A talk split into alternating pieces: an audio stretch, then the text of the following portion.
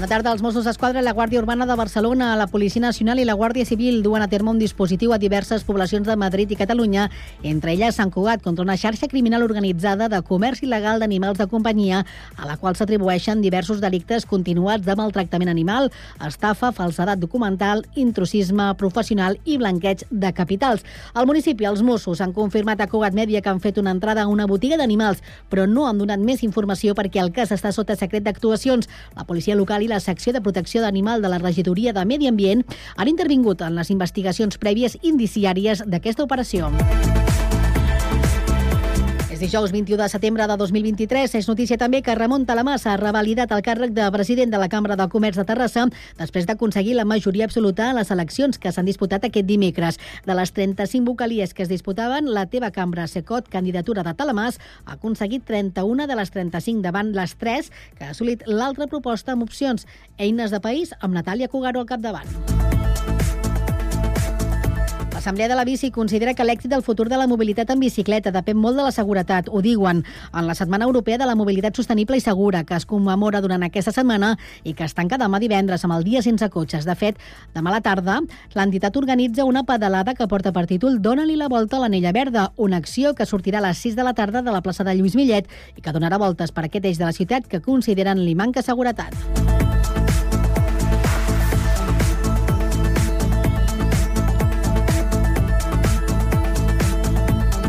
Setena diada de testa es traurà els caparrots de Sant Cugat a ballar al carrer aquest dissabte. La plaça de l'Om i la plaça d'Octavià seran els escenaris principals on se celebraran les activitats, tot i que l'entitat també farà una cercavila amb les colles convidades que recorrerà bona part dels carrers del centre a partir de les 6 de la tarda. La jornada comença però a les 11 i s'allarga fins passades les 8 del vespre.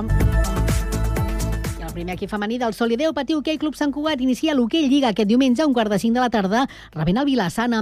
Les Sant Cugatenques s'enfronten amb un dels equips més poderosos de l'hoquei europeu amb el subcampionat de Lliga, d'Europa i de la Copa de la Reina. Les lleidatanes arriben a la cita després de finalitzar subcampiones de la Supercopa d'Espanya. Les de Beto Borregan, les Sant Cugatenques, mantenen el mateix bloc de la temporada passada amb l'arribada únicament de la portera Carla Batllà. Res més per ara. La informació torna d'aquí una hora a la mateixa sintonia i constantment a internet a www.cugat.cat.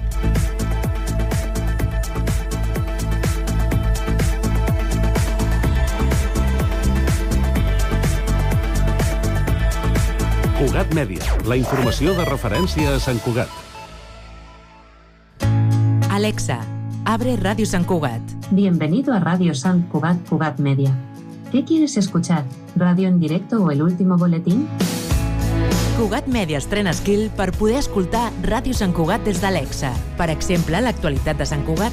Alexa, pide a Radio San Cugat el último boletín. Escuchando el último boletín de Radio San Cugat. Cugat.cat Notícies. I també la ràdio en directe.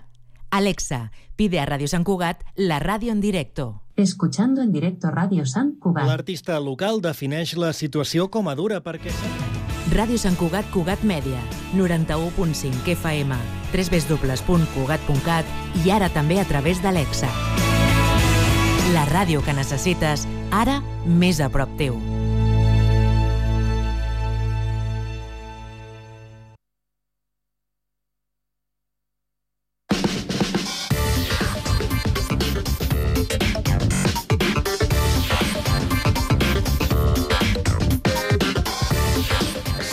La tarda, 4 minuts. Obrim la segona i última hora del Connectats d'aquest dijous. Informació de servei. Comencem pel trànsit. Situació a aquesta hora de la tarda pel que fa a les entrades i sortides de l'àrea metropolitana de Barcelona. Jessica Rius. Hola, doncs ara mateix ja ah, ens trobem en circulació amb retencions al tram de Montcada de Reixac cap al Nus de la Trinitat i també hi ha retencions a Barcelona, al Nus de la Trinitat per un carril tallat. Eh, això és tot segons informa el Servei Català de Trànsit. Doncs anem a comprovar com està funcionant el transport públic. Albert Garran, bona tarda. Doncs la situació a hores d'ara a l'àrea de Barcelona és en general de normalitat i és que ja s'ha solucionat la incidència que hi havia des de primera hora del matí a la línia R4 de Rodalies on s'hi estaven estaven acumulant, recordem, demores superiors als 15 minuts. Així que en les properes hores s'aniran normalitzant les freqüències de pas. Recordem finalment que a partir de demà i fins dilluns, tant TMB com Ferrocarrils de la Generalitat reforçaran el seu servei amb motiu de les festes de la Mercè de Barcelona. De moment, això és tot des del Transmet.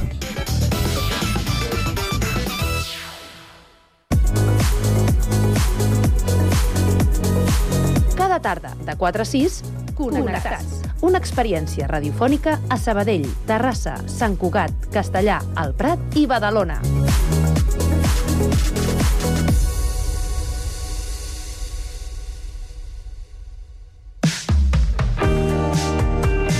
Veus locals.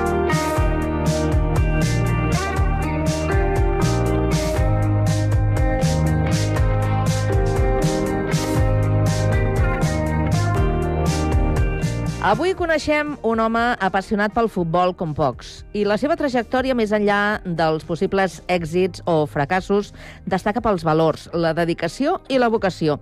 Des de Castellà, Guillem Plans conversa amb Rubén Vidigal. Bona tarda, Carme. Rubén Vidigal, amb gairebé 43 anys, penja els guants després de 18 anys defensant la porteria del futbol sala castellà i 36 anys en actiu en el món del futbol. Les seves estadístiques l'han convertit en el millor porter de la història del club. Ho repeteixo, 36 anys com a porter en actiu. És més de 3 quarts de parts, 3 quartes parts de la seva vida. Rubén, molt bona tarda. Bona tarda, Guillem. Què tal?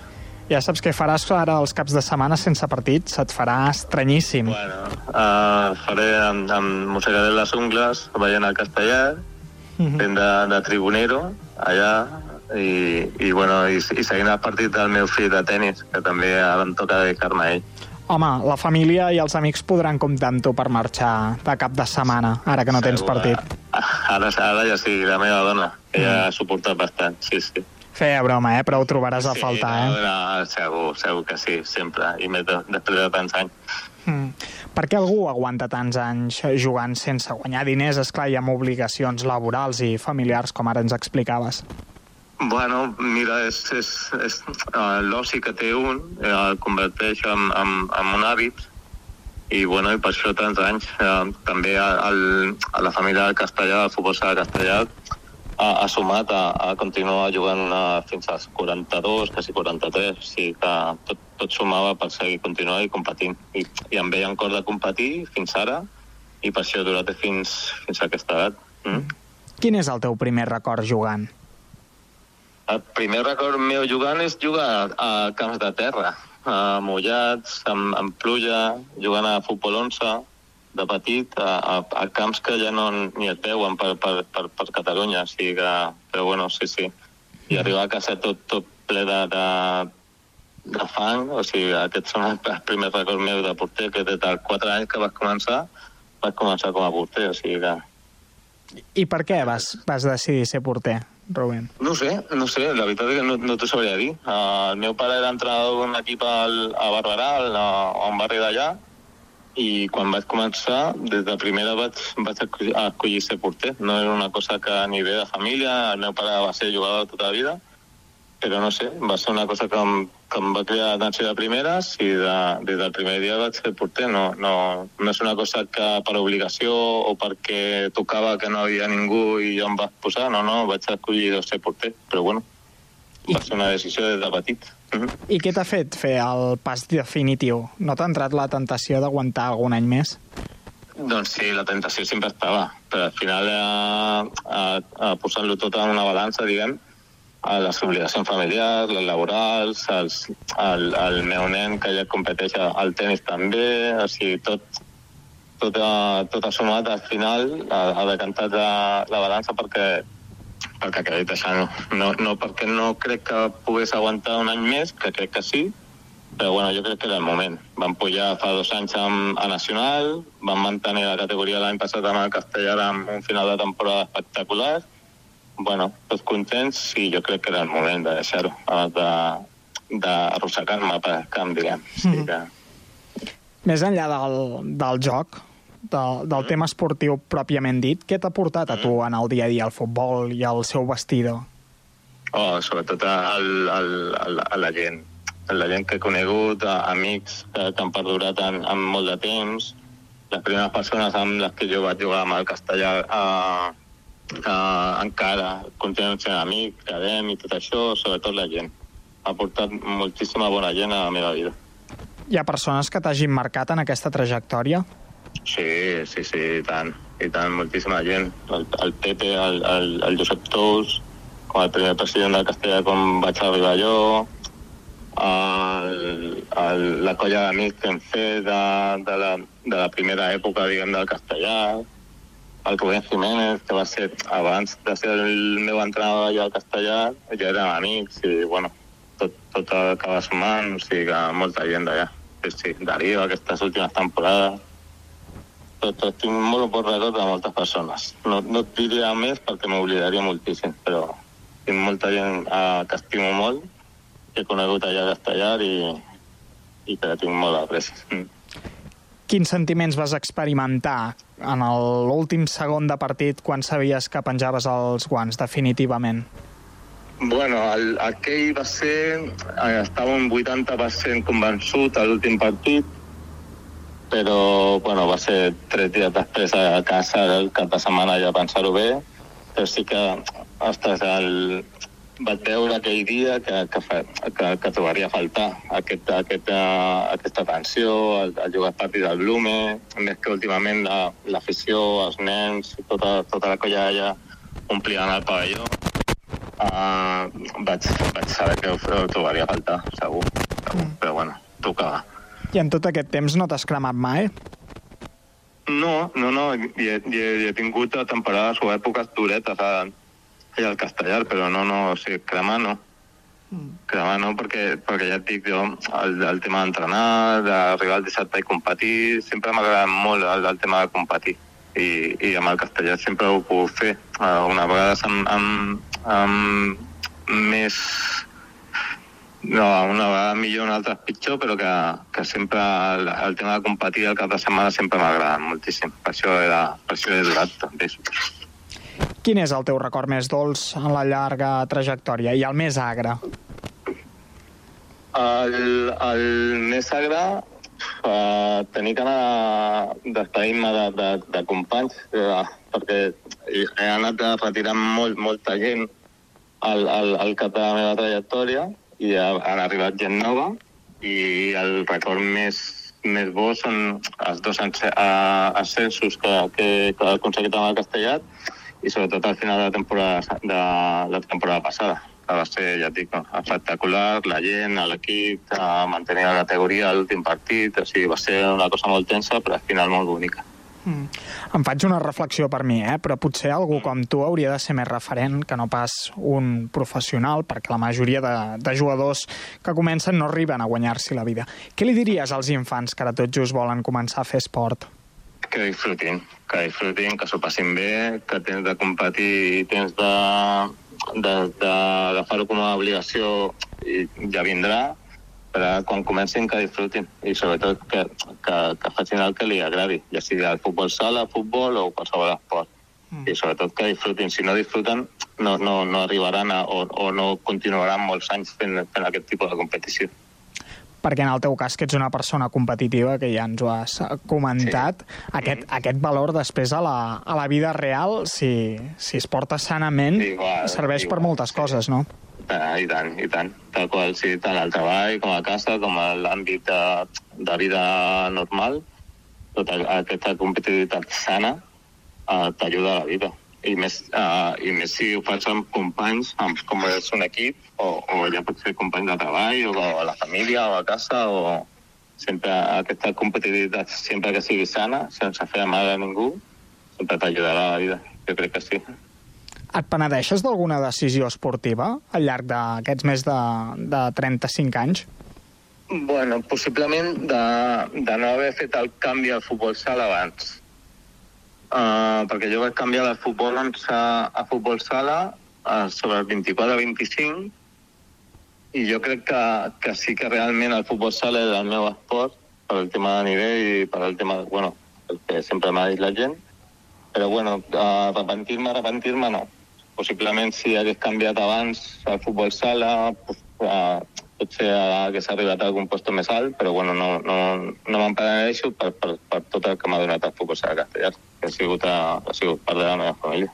Prefereixes futbol sala perquè se't dona millor o per altres motius? Uh, sí, bueno, sobretot per això, perquè em dona millor. Que el meu metre 72, el futbol tenia les seves limitacions, tot i que ho feia bé, però, però sabia que no podia, no podia fer coses que un altre esport de major categoria o major alçada. Però sí que el futbol sala m'he trobat molt, molt, molt fort uh, al, al nivell de lloc i al nivell de porteria. Mm. I pel futbol, tens la sensació que has hagut de sacrificar alguna experiència de la teva vida? No, no, no. Però al final tots sabem que quan competeixes en un club de, uh, tens que fer entrenos, tens que sacrificar dissabtes, però això ho has de tenir clar. Has de, has de suposar que, que és el que vols. Si vols realment competir i no fer el típic partit de Lliga Social i ja està. Si has de competir has de sacrificar temps i, i energia per fer-ho. Mm. perquè jo, eh, per exemple, treballava aquí o he treballat al treball fins a 8, directament a entrenar, i, però bueno, sempre, sempre sabia el sacrifici, el sacrifici que s'ha de fer amb, amb un tipus de club així. Mm. Rubén, ja ens has avançat que aquesta temporada trobarem pel Joaquim Blume, el pavelló on juga sí, el futbol sala castellà, entre la graderia, eh? Mm.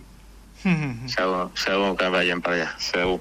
Ens agradaria molt acabar l'entrevista amb alguna cançó que ens recomanis tu perquè l'escoltem. Uh, jo, igual que uh, ja vaig comentar, la, una canció que, que em defineix molt bé és Feo Fuerte i Formal, de Loquillo. Uh mhm. -huh. Perquè jo crec que, que defineix molt el, el, el meu caràcter, diguem. Doncs acabarem l'entrevista escoltant aquesta cançó de Loquillo. Rubén, és la que et posaves abans dels partits, també? No, no, és, és una cançó que li tinc molt... No són, no, no, són, no, no he sigut mai un, un tipus de, de posar-se de música, i que els nens, quan, quan jugaven, nens, et dic als, als companys de 19, 20, 20 i pico anys sí que posaven la seva música, que ja sabem tot que, quin tipus de música li agrada al nen. sí, tant. Però jo no, no, no, no he sigut mai un, un, una persona de posar-se música i concentrar-se en la música. Jo simplement, eh, bueno, estava concentrat, sense música, però sí que és una cançó, molt, una cançó molt especial, que va posar a la meva boda, o sigui que el meu casament va ser la cançó amb, amb la que va sortir jo, i és una cançó que ja dic, li tinc molt, molt de carinyo. Doncs sí, acabarem amb aquesta cançó. Rubén, moltíssimes gràcies. Gràcies a tu, Guillem. Gràcies a tots vosaltres. Molt bona tarda. I molt bona tarda a tu també, Carme. Gràcies, Guillem. Bona tarda.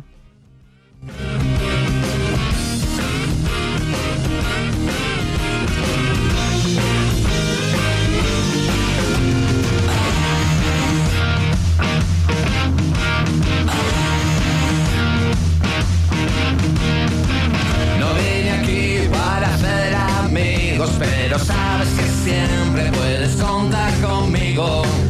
Dicen de mí que soy un tanto animal, pero en el fondo soy un sentimental. Mi familia no son gente normal, de otra época y corte moral, que resuelven sus problemas de forma natural.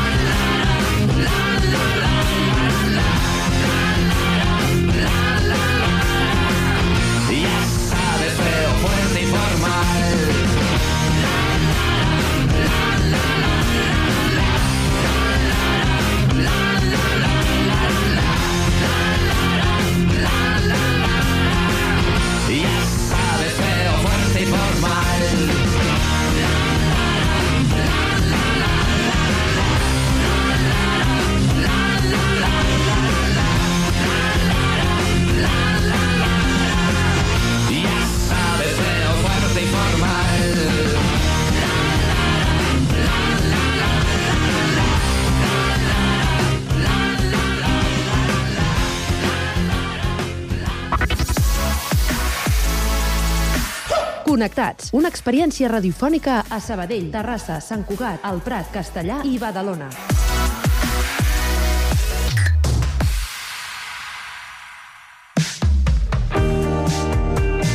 Veus locals.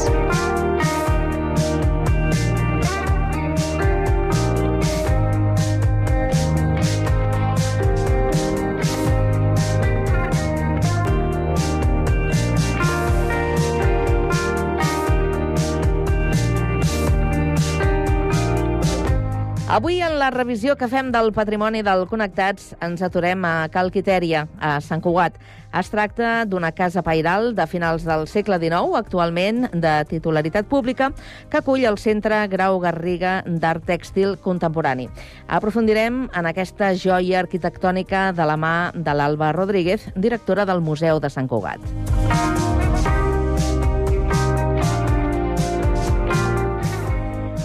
Alba, bona tarda. Bona tarda. Avui parlem, jo deia, d'una altra de les joies eh, que tenim a, a la ciutat. Parlem de Calquitèria. Explica'ns de qui era propietat i una mica quina és la seva història. Doncs mira, és una, una casa que la va construir eh, un, un membre de la família Païssa i és interessant perquè, de fet, va estar durant cinc generacions a mans de la mateixa família fins que finalment va passar a, a propietat municipal, no? I la seva història és, és interessant perquè s'emmarca en, en la història del que diem el Sant Cugat del Vi, que és, de fet és el Sant Cugat del Vi, però és una història compartida amb molts altres municipis del país, no? de, del Vallès, del Baix del Penedès, perquè va haver-hi una època al llarg del segle XVIII i sobretot al segle XIX en què l'economia vitivinícola va ser com el motor eh, econòmic i d'expansió. El territori s'especialitza no? en el conreu de la vinya, l'elaboració del vi. Això comporta uh, la, la construcció de noves cases per acollir els, els, els pagesos no? que conreaven aquestes vinyes. Llavors, es, en totes les viles i totes les ciutats actuals se, queden segurament, no? bueno, segur, vaja, um, indicis uh, d'aquesta època i Sant Cugat és un dels llocs on, on es manté més. No? I Calquitèria és una petita joia, diguéssim, dintre d'aquest context. Un... Eh una història, la d'aquesta casa pairal, que dèiem, no, Masia no és, és casa pairal, per què? Per, què? per, la, per la ubicació, no? Sí, exacte. Bueno, una masia és, és una casa de pagès, no? que per definició és una, és, eh, forma part del poblament dispers, no? no està en una ciutat o en un poble, sinó que està en el territori, envoltada de camps, que, i, i bueno, és, és, és això, un, l'assentament típic del, del poblament dispers. I que el Quiteri és una casa urbana que quan es construeix forma part d'una renglera de cases eh, dintre d'una urbanització d'aquest període, no? de finals del, del segle XIX, que, bueno, que s'emmarca en aquest context que comentava no? de, de creixement eh, econòmic i creixement urbanístic. No? És un moment una mica que li diem la febre d'or del vi, un moment d'eufòria, no? de, perquè és un moment de bonança econòmica, els pagesos s'enriqueixen no? amb la producció del vi, coincideix amb el moment en què eh, hi ha la filoxera a França, que França era com el, el principal competidor de, de, de l'elaboració del vi, eh, llavors com que passa la filoxera es queden sense produir i tots els altres eh, veïns o, eh, aprofiten l'ocasió. Exacte, aprofiten l'ocasió i és, el, és aquesta eufòria no? que, que venen vi a, a gran quantitat i s'enriqueixen i això deixa empremta en, en els pobles perquè bueno, s'amplien, fan cases eh, amb millors condicions molt senyorials, no? De grans dimensions, perquè bueno, Calquitèria és, eh, és una edificació que avui la veiem i fins i tot la façana allò fa patxoca. Correcte, exacte. O sigui, la a Calquitèria en principi estava prevista com una casa urbana a més, però al ser a l'extrem d'una renglera, no? Eh, diguéssim que van aprofitar la, una casa que es va construir l'any 1879 que alerta també perquè 1879 és la data que entra la filoxera a Catalunya, i ja està, és un presagi no, del que vindrà després, però el 1879 es construeix i el 1884 es reforma remodelant la façana sud, que és la façana que dona el sol, i llavors així que allà agafa els aires d'una masia. Per això té aquest aspecte de masia, no? perquè és una casa urbana que aprofita la mitgera eh, de l'extrem per poder eh, bueno, fer bueno, una mica lluir no? la bonança de la, de la família que en aquell moment estava construint la casa. No? Hem de dir, tu deies, està al final de la Renglera i és que és cantonera. Exacte, és una casa cantonera davant d'una antiga riera que ara, bueno, ara també amb el creixement urbà ha desaparegut, no es veu, està sota, sota del paviment, i llavors és una casa que per l'exterior, tal com dius, és com una casa d'aspecte senyorial, i a l'interior, eh, de totes formes, es manté, tot i que ja està remodelada i ara acull aquest centre eh, d'art tèxtil, conserva bastant l'estructura original i molts dels elements originals i es veu com eh, és la típica estructura de casa pagesa, no? amb els espais de treball pagès, el celler, el, els llocs d'elaboració del vi, eh, i després l'espai més d'estada de, de, de la família, no? Una, una petita sala, la sala de rebre amb unes pintures, que després, si vols, les comentem, que són molt interessants. Eh, a la planta pis, les, les habitacions amb alcova... Bueno, això s'ha perdut una mica per, per la remodelació, però encara es pot observar, no?, aquestes traces. Són dues plantes? Dues plantes i la planta golfes, uh -huh. que és la planta on abans eh, s'assecava el producte de, um, agrícola, no?, i on també es, es tenien les aus, no?, entre altres coses, criaven pollastres i d'allò, i, i, bueno, és tot molt interessant també perquè eh, també volia dir no, que a la família Païssa vam tenir l'ocasió de poder parlar amb els últims Païssa que havíem viscut a la casa, especialment amb la Maria Païssa, que ens va donar moltíssima informació no, de la vida que hi feien, i conserven també moltes fotografies, moltes llibretes, llibretes del llarg del segle, del segle XX, no? dels, dels, dels, dels pares, dels avis, dels besavis pagesos, on recollien pues, bueno, moltes coses del dia a dia i que, i que ens donen compte de, de com es vivia aleshores. Mm -hmm. Si féssim una fotografia a veure, fem una descripció de, de com és aquesta façana, que té un element que és com molt identificatiu no? I, i molt eh, representatiu, que és aquest rellotge de, de, de, de sol. sol. Sí, sí, sí. I és una façana que expliquem al públic perquè es pugui fer una idea. Ja hem parlat de dues plantes més golfes, uh Mhm. -huh. eh? però l'aspecte que té? Doncs, bueno, com hem dit, no? és, una, és una façana que té un aspecte de masia, Llavors, l'element més característic, segurament, o el que més destaca, és la part superior, perquè té aquestes obertures eh, com si fos una galeria d'una masia, no? I a sobre de tot això queda coronat per aquest rellotge, rellotge de sol que es va restaurar eh, amb les obres que es van fer de cara a la, a la remodelació de l'edifici, gràcies també perquè conservem un dibuix de com era la casa el 1884, i allà es podia veure bé com era, com era aquest rellotge. És, és un dibuix que, bueno, que conserva la família Païssa i que, bueno, que és, que és molt, molt interessant per aquest, per aquest motiu, no? I en l'original hi havia una torre? Sí, això és l'altra cosa que volia comentar. En origen també tenia una, una torre que, que, bueno, una torre que sobresortia dos plantes per sobre de la coberta i aquesta torre finalment es va desmuntar Bueno, ara queda com l'arrencada de la torre, diguéssim, no? Perquè en el seu moment també van posar un molí de vent per poder eh, extreure aigua de pou i poder-la pujar a la, a la casa i sembla ser que la torre tapava o frenava el vent que arribava fins al molí. I total, que van decidir desmuntar aquesta, aquesta torre. Uh -huh. eh, cal criteri el nom d'on prové? pues és una d'aquestes altres uh, anècdotes interessants. Sembla que sé que el fill del, del, del Josep Païssa, que va construir la casa, deia molt sovint eh, valga'm Santa Quitèria, no? Tenia com aquesta dita la deia contínuament, i d'aquí li va quedar aquest sobrenom.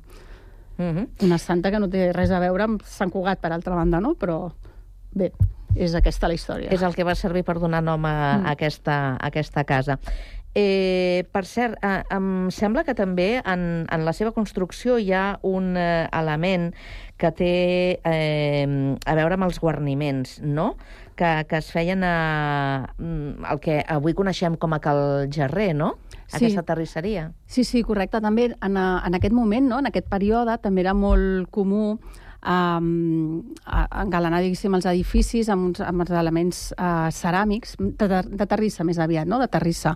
Uh, es, col es col·locaven balustres, pinyes, eh, gerros, bueno, tot això coronant els edificis. I és molt típic, bueno, la Calquiteria ho té, i hi ha molts altres edificis a Sant Cugat i, i de molts altres municipis que ho tenen i gairebé cada ciutat, o cada, bueno, cada poble, diguéssim, tenia el seu productor no?, d'aquest tipus de, de terrissa, i aquí Sant Cugat era Calgerrer, no? la, la terrisseria Arpí, que també és un element del patrimoni local, també es pot visitar perquè té un museu que explica precisament tot el procés de producció, i que produïen no només aquests elements eh, de terrissa per ornamentar les façanes, sinó que també produïen els, les rajoles de cub amb la que es folraven els cubs dels, dels cellers per fer el vi. Vull uh -huh. dir que tot, anava, tot, estava, tot estava lligat.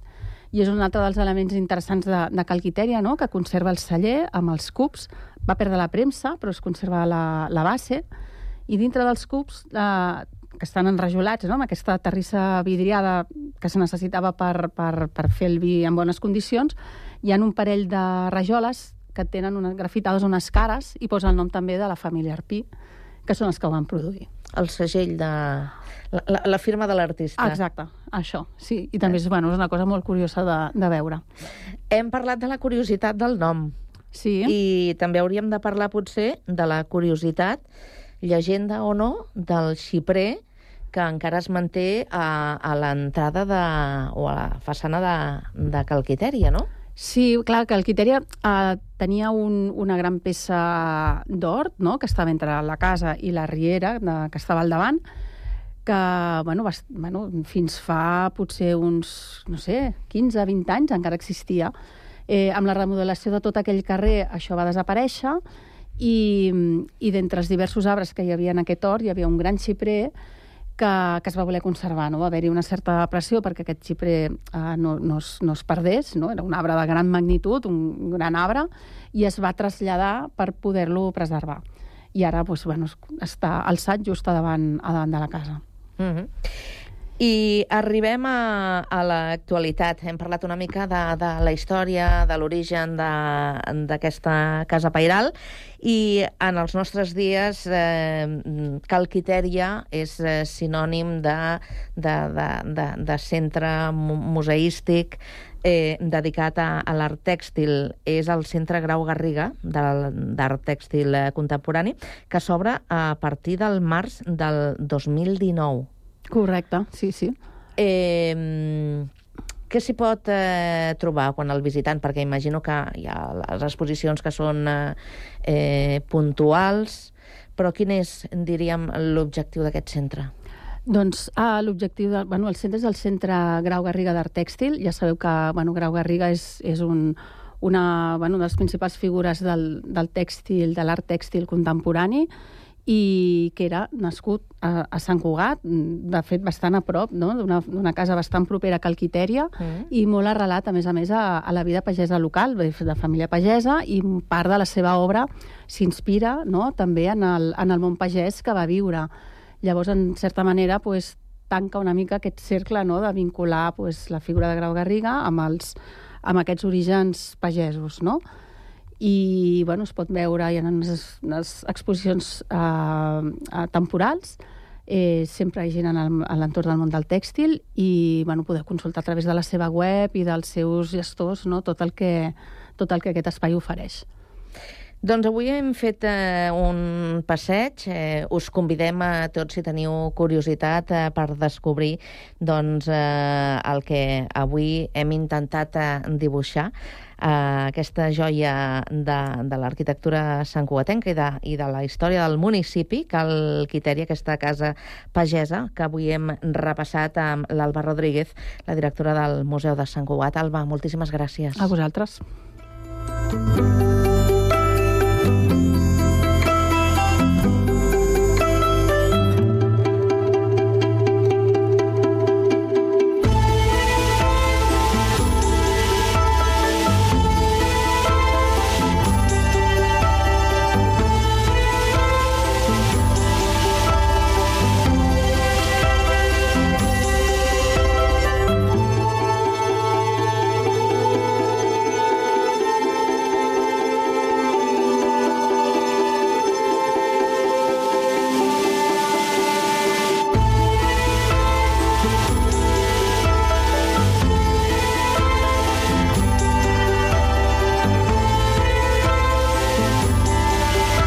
Recupera aquest podcast a la xarxa Més i a la web de la teva emissora local. A la tarda no et desconnectis. A la teva ràdio local, connectats. Can't touch this. Can't touch this.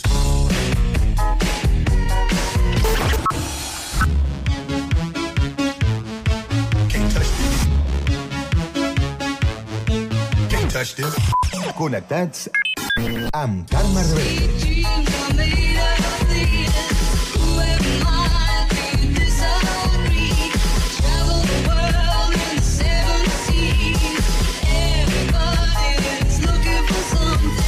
Connectats. Una experiència radiofònica a Sabadell, Terrassa, Sant Cugat, El Prat, Castellà i Badalona.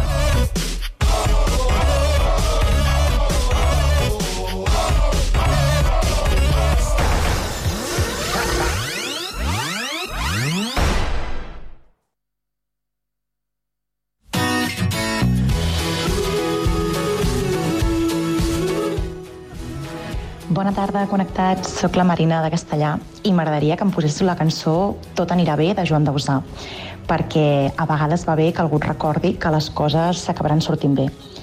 I si a sobre ho fa el Joan Dausà amb la seva melodia, encara millor. Gràcies, bona tarda. Veig algú que espera a l'estació amb un paper que du el meu nom. Puja un cotxe que té més anys que jo. A la ràdio sona la cançó Take me home, Country Road. Oh,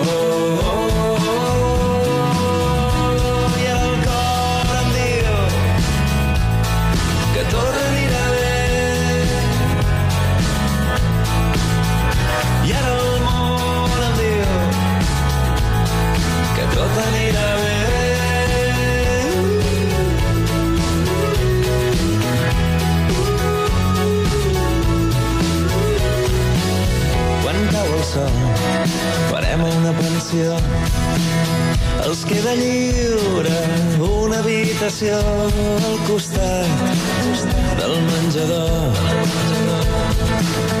A mitjanit, de sobte sento un crit i algú que riu em fa sortir del llit. T'esperem, diu, al segon pis. Oh, oh, oh,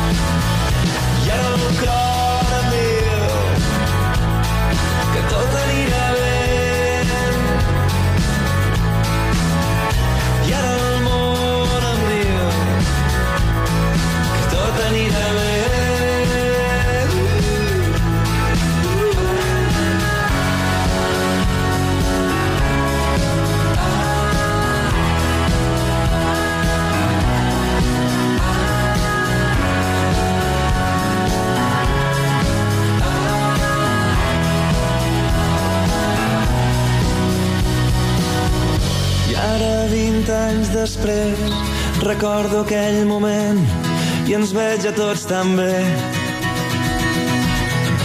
Tornaria a agafar el tren, tornaria a aquell hotel per trobar-te entre la gent. I ara el cor em diu que tot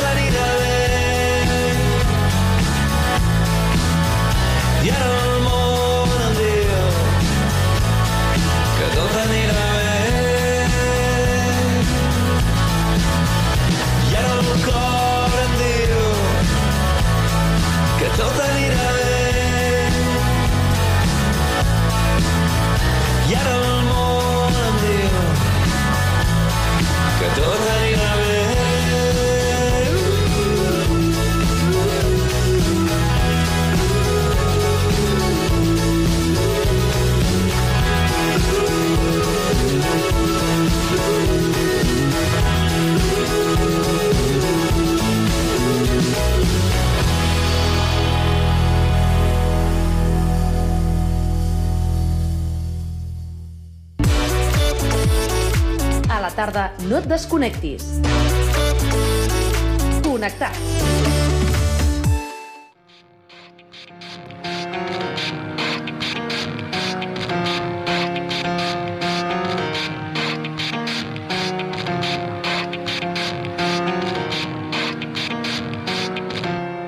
starts with taste the sun. And burned by the sky, you try to take it from. But if it falls, there's no place to run. Crumbling down, it's so unreal. They're dealing you in to determine your end. And sending you back again to places you've been. And bending your will till it breaks you within. And still they fill their eyes with the twilight through the skylight and the highlights on a frame of steel.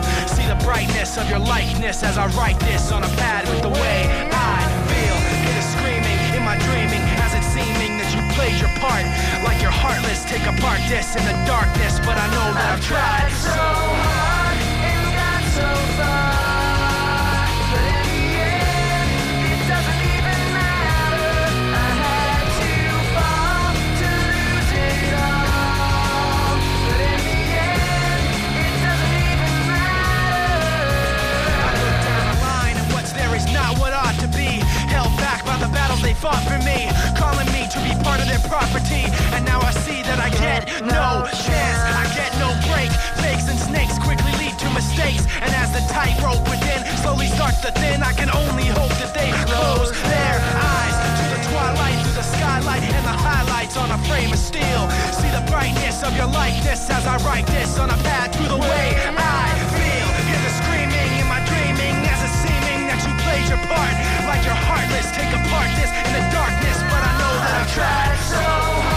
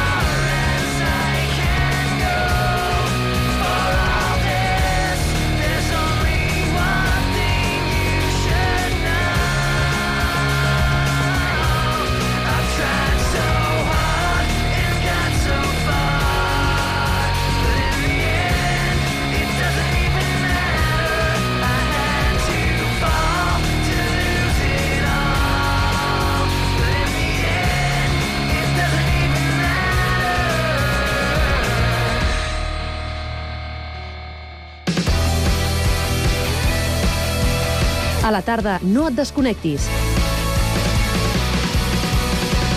Connectats.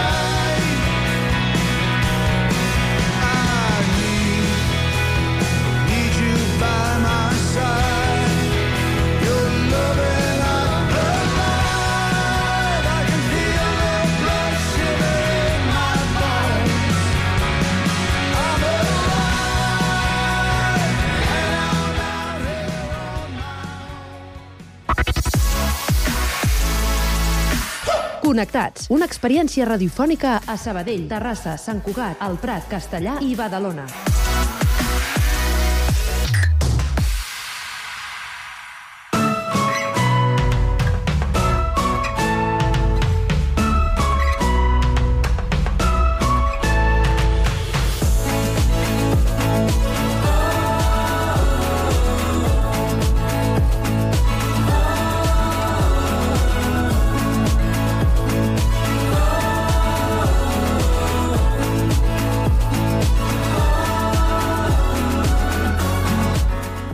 Doncs a la recta final del Connectats d'aquest dijous entrem en el món de la cultura i ho farem anant fins al Prat, que ja prepara la seva festa major, que arrenca demà, i com sempre ja fa dies que la ciutat bull d'activitats per preparar els ànims de la ciutadania per quatre dies de disbauxa. Una d'aquestes activitats és el certamen fotogràfic Josep Raduà, que ja arriba a la sisena edició. Marxem, doncs, com us deia, fins al Cafè de l'Artesà amb Rocío Santa Eufèmia. Bona tarda. Bona tarda. Aquí a l'Artesà ja podem veure exposades les fotografies que han participat d'aquest concurs que vol retratar la quotidianitat de la ciutat amb imatges en blanc i negre i en color. Per saber-ne més, parlem amb la presidenta de l'entitat Les Escarxofes del Prat, Maria Lluïsa Pujol. Bona tarda. Molt bona tarda a tothom i benvinguts a aquest certamen. Ja podem veure aquí darrere les fotografies exposades, entre les quals es troben les guanyadores del certamen d'enguany. Explica'ns una miqueta quines s'han triat i per què, com és aquesta tria. Bueno, aquesta tria depèn d'un jurat, que cada any és el mateix, que ja tenen molta experiència en imatge i fotografia, i ells pues, eh, diuen quina és la guanyadora i, i no, bueno, igual no guanyadora, clar, però bueno, es tria una fotografia en blanc i negre i una altra en, en color. I a partir d'aquí doncs, bueno, es fa la tria i ells decideixen. Per tothom que ens estigui escoltant, eh, quantes imatges es poden veure? També heu donat uns premis? Com és aquest funcionament? pues mira, hem tingut la sort aquest any de que s'han presentat 120 fotografies, dels quals eh, 30 fotògrafs són locals d'aquí del Prat. I aleshores, pues, bueno, s'estria la imatge, com he comentat abans, no? el, el jurat es tria la que creu que bueno, simbolitza més alguna, alguna vivència, no imatge del nostre poble. Els premis que es concedeixen, pues, un, el, el primer, en blanc i negre i el de color, són econòmics, amb, amb una referència nostra, que és una carxofa. I també el segon i el tercer premi, pues, llavors és eh, la, la figura de la, de la carxofa. Ara s'inaugura aquesta mostra, és un dels actes previs de Festa Major. L'exposició es podrà veure aquí al Cafè de l'Artesà fins al 15 d'octubre. Per què aquest lloc? Per què aquest Cafè de l'Artesà per, per mostrar les imatges?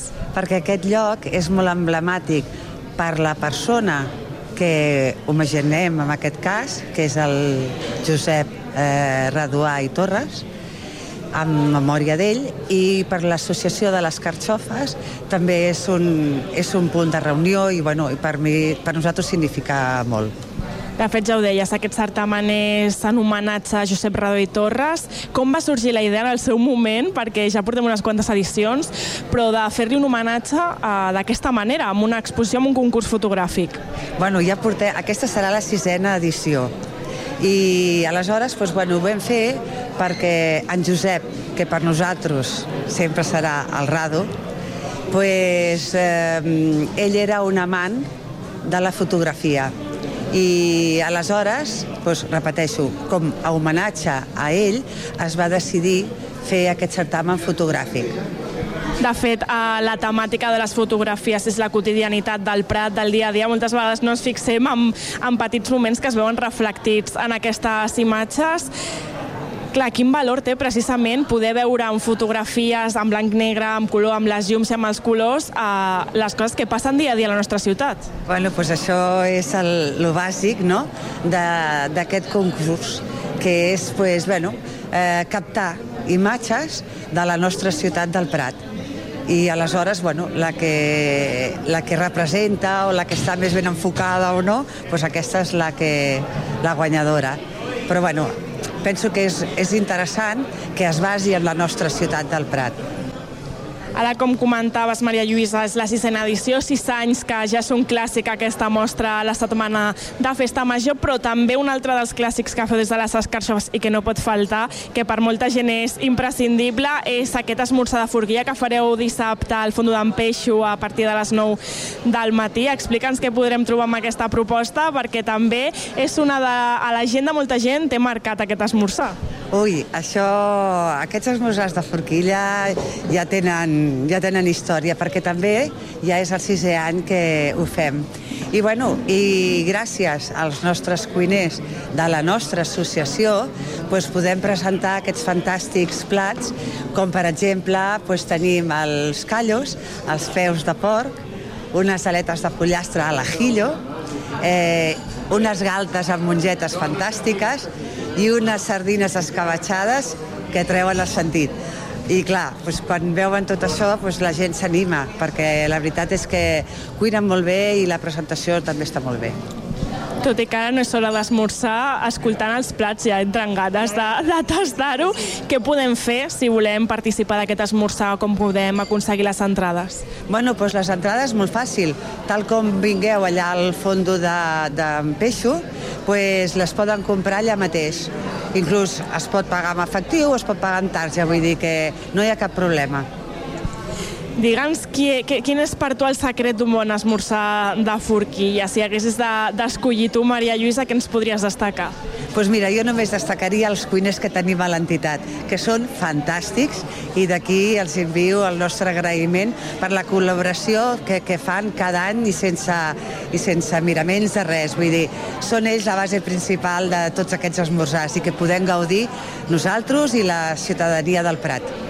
De fet, ja per acabar, aprofitant no, que feies aquesta menció, volia preguntar-te, eh, en general a l'entitat, ara veiem aquesta mostra, també aquest esmorzar, són exemples del que feu, com d'important és la col·laboració altruista i voluntària d'aquestes persones que entre tots feu les escarxofes. Bueno, doncs d'això es tracta la nostra associació, perquè tot és altruista i hi ha la voluntat de tots els socis i, bueno, és, i no hi ha cap problema mai i tot és eh, bona venència i, bueno, en fi, i d'això es tracta, no? De que, de que fer coses i, i ho fem pues, la mar de gust tots i amb alegria, no? I sobretot quan es tracta de cara a la ciutadania, pues, eh, és fantàstic.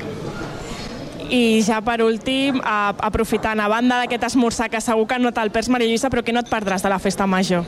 Bueno, és que cada cosa té la seva, la seva gràcia, no? Llavors, pues, bueno, a lo millor pues, eh, estan, és que estan tots, estan els castellers, estan els diables, estan les, la gent, els homenatges a, o tributos a, als nous eh, aquests cantants, vull dir, no sé, jo crec que és, és com una integració a la festa major i a vegades, en el meu cas, quasi no, et perdo, no em perdo res. doncs de moment tenim aquestes dues cites, això sí, al Cafè de l'Artesà fins al 15 d'octubre aquesta mostra, també dissabte a les 9 l'esmorzar de forquilla. Maria Lluïsa, moltíssimes gràcies, que vagi molt bé i bona festa major. Bueno, ha estat un plaer parlar amb vosaltres i d'aquí pues, també agraeixo als participants d'aquest certamen i als, tots els col·laboradors que han fet possible pues, que això, que any rere any, no, tiri endavant.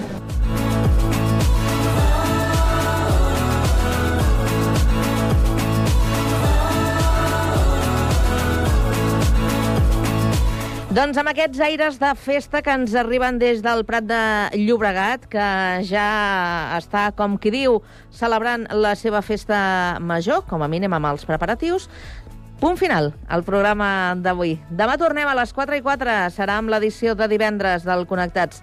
Gràcies a tots. Acabeu de passar molt bona tarda.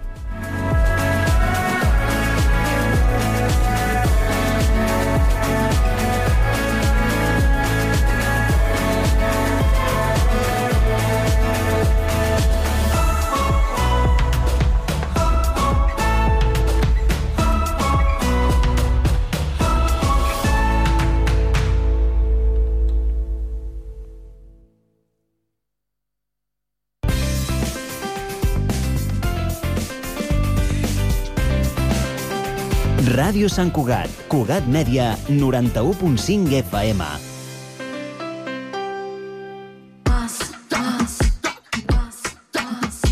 Pide por esa boquita, un viajar, disfrutar de un verano mejor, vamos, grita. Que lo que se da no se quita.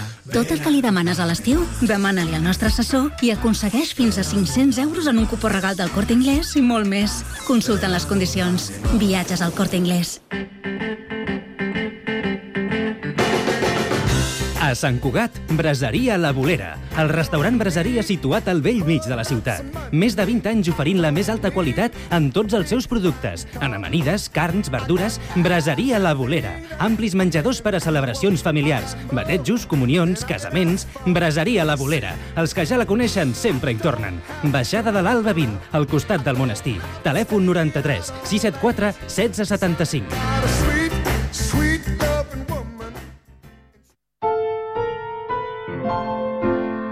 L'Associació Amants del Teatre i Ràdio Sant Cugat Cugat Mèdia t'apropen grans obres de la literatura a través de la oïda. Doncs aquesta té un cert tràfic. Vet aquí, ja volia dir jo. És una bogeria, una barbaritat. Et diré el meu nom a l'orella, escolta. Oh! La vídua es posa ràpidament al llit. Radioteatre amb obres de Jean Cocteau, Martí Boada, Robert Robert, Mercè Rodoreda, Pere Caldés o Anton Chekhov. Al 91.5 FM i a www.cugat.cat. Cada mes, els alumnes dels instituts Leonardo da Vinci, el Centre de Formació d'Adults i el Col·legi Pureza de Maria expliquen l'actualitat dels seus centres a Ràdio Sant Cugat. Els alumnes de primer d'ESO van fer una excursió el 18 d'octubre a un jaciment arqueològic. Doncs jo vull parlar sobre la inauguració del punt lila i el punt rainbow. També ens fan recomanacions. I el que m'agrada molt d'aquest llibre és que eh, a les pàgines es poden veure els correus. Ens diuen què els agrada. A mi m'agrada el Nadal amb fred. Parlaré del que m'agrada que va sobre el meu esplai. I ens posen al dia amb la música que escolten. Jo he escollit eh, La gent d'estimo, que és d'Oques Grasses. Quan somrius és Joan Dausà. No dudaria, Rosario. Els instituts Sant Cugatencs a Cugat Mèdia. Els dijous a les 10 a Ràdio Sant Cugat i en podcast a cugat.cat i a Ull Crític.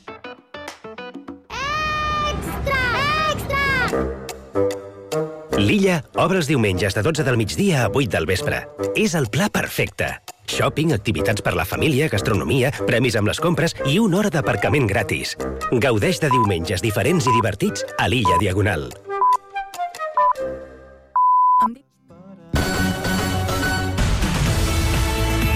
Ràdio